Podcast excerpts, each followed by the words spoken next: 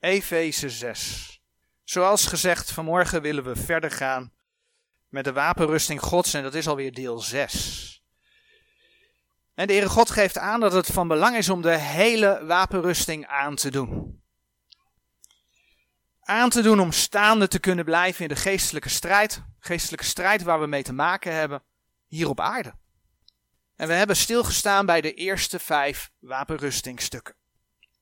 We hebben gezien dat de Heer oproept om de lendenen omgord te hebben met de waarheid. Nou, Gods woord is de waarheid. Maar leef je naar Gods woord? En we zagen dat het ook te maken heeft met de verwachting. Leef je vanuit de verwachting die Gods woord geeft? De Heer Jezus, de Heer roept je op om het borstwapen der gerechtigheid aan te doen. Nou, wie is onze gerechtigheid? Dat is de Heer Jezus. Dus sta je ook in Hem. Probeer je in Hem te staan. En probeer je daaruit uit Hem te leven. Stel je je leden goden tot wapenen der gerechtigheid. We hebben gezien dat de Heer oproept om je voeten geschoeid te hebben. Dat heeft te maken met bereid, voorbereid zijn, maar ook bereid zijn om verantwoording af te kunnen leggen. De Heer roept je op om het schild des geloofs aan te nemen. Wanneer je vaststaat in het geloof, wanneer je vaststaat in het geloof, omdat het geloof een, vaste grond is, omdat het geloof een bewijs is van de dingen die je niet ziet, dan zullen de vurige pijlen van de boze uitblussen. En de laatste keer hebben we dan bij die helm der zaligheid stilgestaan. Ook dat zagen we heeft te maken met een stukje verwachting. Je komt het in de context in 1 Thessalonicense 5 ook tegen. Het uitzien naar de verlossing van het lichaam. En dat heeft dan met de opname van de gemeente te maken. Als je dat vast blijft houden, dan beschermt je dat bijvoorbeeld tegen dwaalleer. Maar ook om de juiste gerichtheid vast te houden. Terwijl we hier op aarde zijn. Die helm verwijst ook naar de bescherming van je gedachtenwereld. Probeer je niet te filosoferen over zaken, maar probeer je gedachten gevangen te leiden tot de gehoorzaamheid van Christus. Dat is allemaal waar we bij stil hebben gestaan en dan komen we vandaag weer bij Efeze 6 vers 17 uit. Alleen dan het tweede deel van het vers. Efeze 6 vers 17 zegt en neemt de helm der zaligheid en het zwaard des geestes, het welk is Gods woord. Het gaat dus om een wapen. En de tekst legt meteen uit wat voor wapen, daar hoeft geen misverstand over te verstaan. Het is het woord van God. Het woord van God is een wapen. Het woord van God is de basis van het geloof. Doordat de Heer zijn geschreven woorden gegeven heeft, kunnen we Hem kennen. Kunnen we weten dat we het eeuwige leven hebben. Een hele mooie tekst daarover is 1 Johannes 5 vers 13. 1 Johannes 5 vers 13.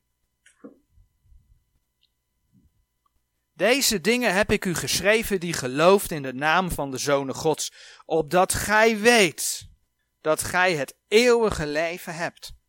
En opdat gij gelooft in de naam des Zoons van God.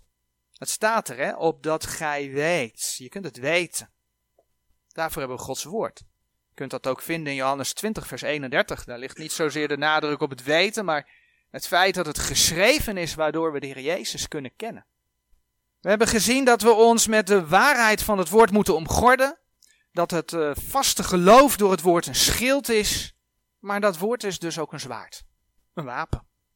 Het grootste deel van de wapenrusting is eigenlijk defensief, hè, verdedigend. Maar ja, dat zwaard, dat heeft ook iets offensiefs. En je kunt ermee aanvallen. Nou, ook de Heer Jezus. Toen hij op aarde was. Die werd verzocht door de vijand. En dan bladeren we naar Lucas 4. En in Lucas 4 kun je dan lezen hoe hij in de woestijn tot driemaal toe door de, door, de, door de duivel verzocht werd. En hoe weerstond de Heer Jezus dat? Door driemaal Gods woord te citeren. Hij zei, er is geschreven. Of er is gezegd. Dat staat in de versen Lucas 4, vers 4, Lucas 4, vers 8 en Lucas 4, vers 12. En ja, voor ons mensen geldt dan dat juist wanneer je je voeten bereid hebt, wanneer je je voorbereid hebt, wanneer je je vasthoudt aan de bijbelse verwachting, dat je dat zwaard kunt trekken. Maar let op, want de Heere God laat in zijn woord zien dat de vijand de Bijbel ook kent. Het komt voor dat de duivel met tegenteksten komt om je in de war te brengen. Dat gebeurt. Dat gebeurde bij de Heer Jezus ook. Lucas 4, vers 9 en 10. Daar lees je hoe de duivel de Bijbel citeerde. Lucas 4, vers 9 en 10. En hij, dat is de duivel, leidde hem naar Jeruzalem en stelde hem op de tinnen des tempels en zeide tot hem, Indien gij de zonen God zijt, werp u zelf van hier nederwaarts. En kijk wat er dan in vers 10 staat. Want er is geschreven dat hij zijn engelen van u bevelen zal, dat zij u bewaren zullen. En ja, dat staat inderdaad geschreven. Ga het maar opzoeken. Eh, ik ga het nu niet opzoeken, maar je kunt het nazoeken in Psalm 91, vers 11. Dat staat geschreven. Dus de duivel gebruikt Gods woord om mensen daarmee in verwarring te brengen. Hij heeft dat bij de Heer Jezus geprobeerd. Nou, het mag duidelijk zijn hè, dat de Heer als ja, eigenaar van zijn eigen woorden, uh, zeg maar, dat hij die woorden kende. En hij liet zich niet door een uit de context gehaald vers misleiden. Hij citeerde de schrift en weerstond daarmee de vijand. In Lucas 4, vers 12 lezen we: En Jezus antwoordende zeide tot hem: Er is gezegd: Gij zult de Heere uw God niet verzoeken. Maar dat mag dus voor ons ook een les zijn. Het is de bedoeling dat je het woord gebruikt om te toetsen. Dat blijkt uit Handelingen 17, vers 11. In Handelingen 17, vers 11 daar lezen we zo mooi, en deze waren edeler dan die te Thessalonica waren, als die het woord ontvingen met alle toegenegenheid, onderzoekende dagelijks de schriften of deze dingen al zo waren. Het woord als toetssteen. In een confrontatie kun je dus zeggen, maar er staat geschreven. Het zwaard mag getrokken worden. Bijvoorbeeld ook om dwaalleer te weerleggen. Zo lezen we in Titus 1, waar de, de vereisten zeg maar, van een uh, ouderling besproken worden. Lezen we het volgende. Dit is 1 vanaf vers 7. Titus 1 vanaf vers 7. Want een opziener moet onberispelijk zijn als een huisverzorger gods, niet eigenzinnig, niet genegen tot toornigheid, niet genegen tot de wijn, geen smijter, geen vuil gewinzoeker maar die gaarne herbergt, die de goeden lief heeft, matig, rechtvaardig, heilig, kuis, die vasthoudt aan het getrouwe woord dat naar de leer is, opdat hij machtig zij beide om te vermanen door de gezonde leer en om de tegensprekers te wederleggen. Aan de hand van de schrift mogen tegensprekers dus weerlegd worden. Binnen de gemeente een taak voor de ouderling, maar in het privéleven een taak voor iedereen. Alle gelovigen worden opgeroepen die gehele wapenrusting aan te doen. Elke gelovige mag dat zwaard trekken. En door voorbereid te zijn, ken je het zwaard door en door. vandaar dat 2 Timotheus 2 vers 15, ik ga de tekst nu niet opzoeken, die kennen we, daar staan we zo vaak bij stil. Zegt, benaarstig u om uzelf vergoden beproefd voor te stellen. Een arbeider. Zijn we een arbeider in het woord? Wees een arbeider. Als de vijand dan komt om je aan het wankelen te maken, dan kun je staan. Dan kun je die aanval ter nederslaan. Zelfs wanneer de vijand dan tegenteksten heeft. Vaak verdraaid, uit de context gehaald. Dan hoef je niet schrikken, want je kent het woord en je staat. Nou, we zien hoe belangrijk dat woord van God is. En laat je niet in de war brengen door mensen die zeggen: Ja, maar je kent de Heer Jezus toch? Weet je, verder is het allemaal niet zo belangrijk. Als je, als, je, als je naar de kerk gaat en als je God kent, dan hoef je die Bijbel niet meer zo te lezen. Er zijn mensen die dat zeggen. Maar Gods woord laat duidelijk wat anders zien.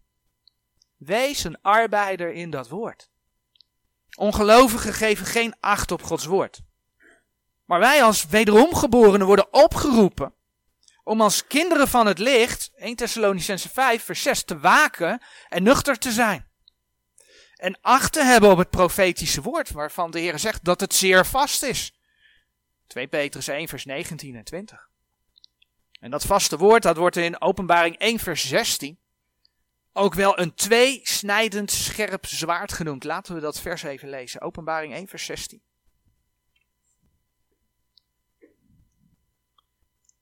Johannes ziet daar de Heer Jezus en een deel daarvan is vers, Johannes 1, vers 16. En hij had zeven sterren in zijn rechterhand, en uit zijn mond ging een tweesnijdend scherp zwaard. En zijn aangezicht was gelijk de zon, schijnt in haar kracht. Maar uit zijn mond ging dus een tweesnijdend scherp zwaard. Als je spreekt, komen er woorden uit je mond. Zo ook bij de Heer Jezus. Dat tweesnijdend scherp zwaard, dat staat voor Gods woord. In Hebreeën 4 vers 12. Hebreeën 4 vers 12, daar lezen we het volgende. Want het woord Gods is levend en krachtig en scherp snijdender dan enig tweesnijdend zwaard. En gaat door tot de verdeling der ziel en des geestes en der samenvoegselen en des mergs. En is een oordeler der gedachten en der overleggingen des harten.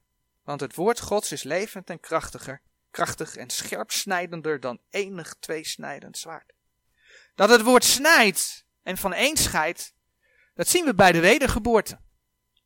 Door het horen van het woord kan iemand tot geloof komen, wederom geboren worden. Dan trekt hij of zij geestelijk gezien het lichaam der zonde des vleeses uit. Dat is de geestelijke besnijdenis volgens Colossense 2 vers 11.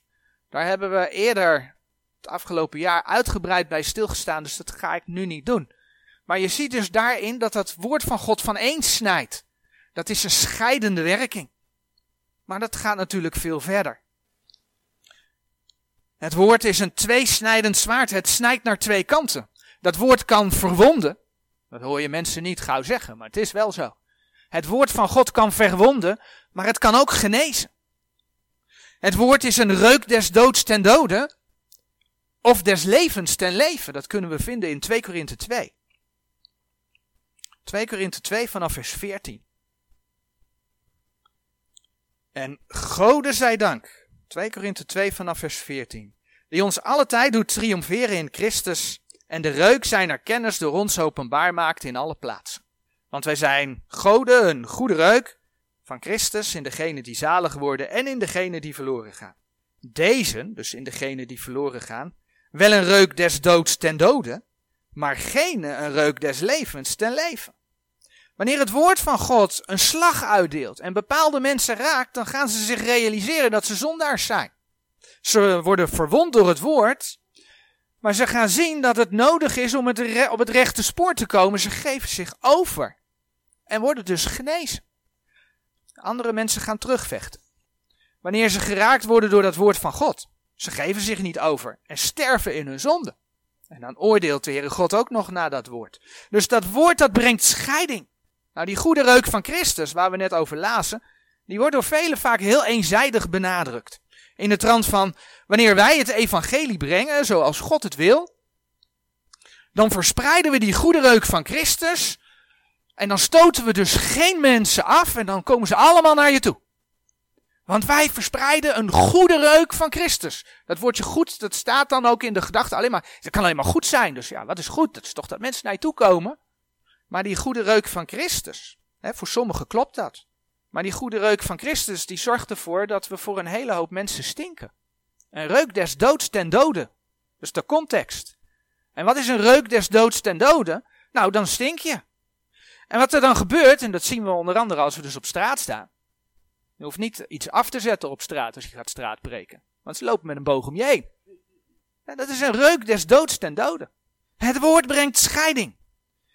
En de Bijbel die geeft zowel van het positieve, hè, dat, dat, dat, dat mensen dus naar je toe komen, als het negatieve, dat mensen van je afgaan. Voorbeelden.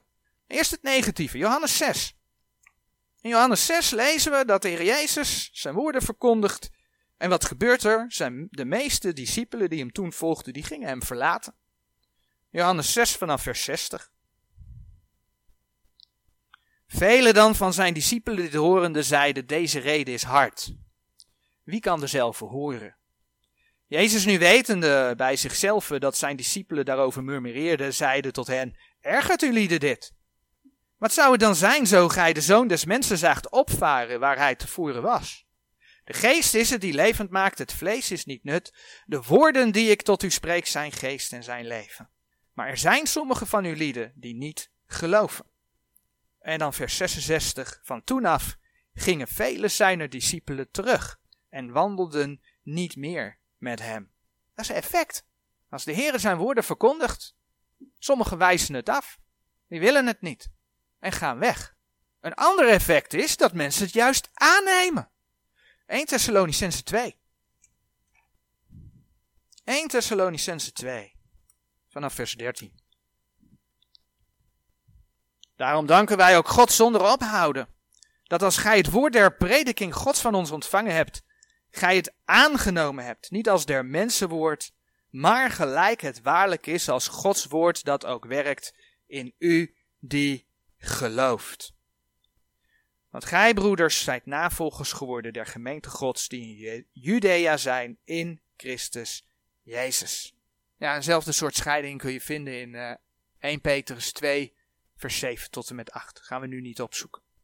Maar ook hier zien we dus weer dat de mens een keuze heeft. En de Heer houdt het een ieder voor.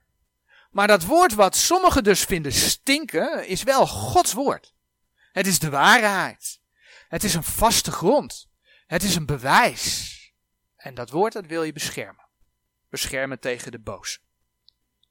Maar dat woord dat werkt pas, dat lazen we net ook in 2 Thessalonicense, sorry, 1 Thessalonicense 2, vers 13. Dat woord dat werkt pas als je het ook daadwerkelijk gelooft.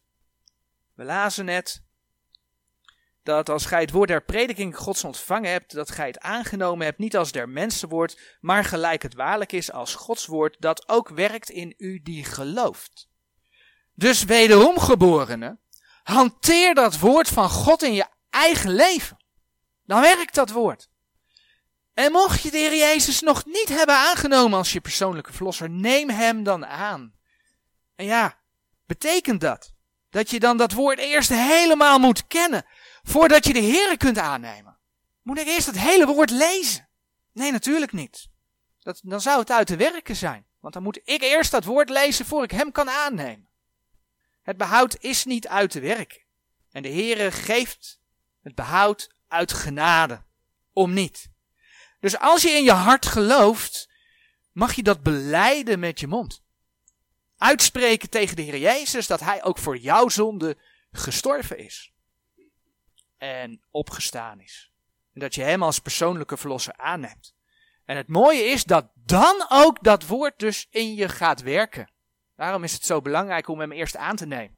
Want als je hem aanneemt en je gaat het woord lezen, dan gaat het woord iets met je doen. Dan gaat het woord je vormen. Dan kun je gaan leven uit dat woord. Amen.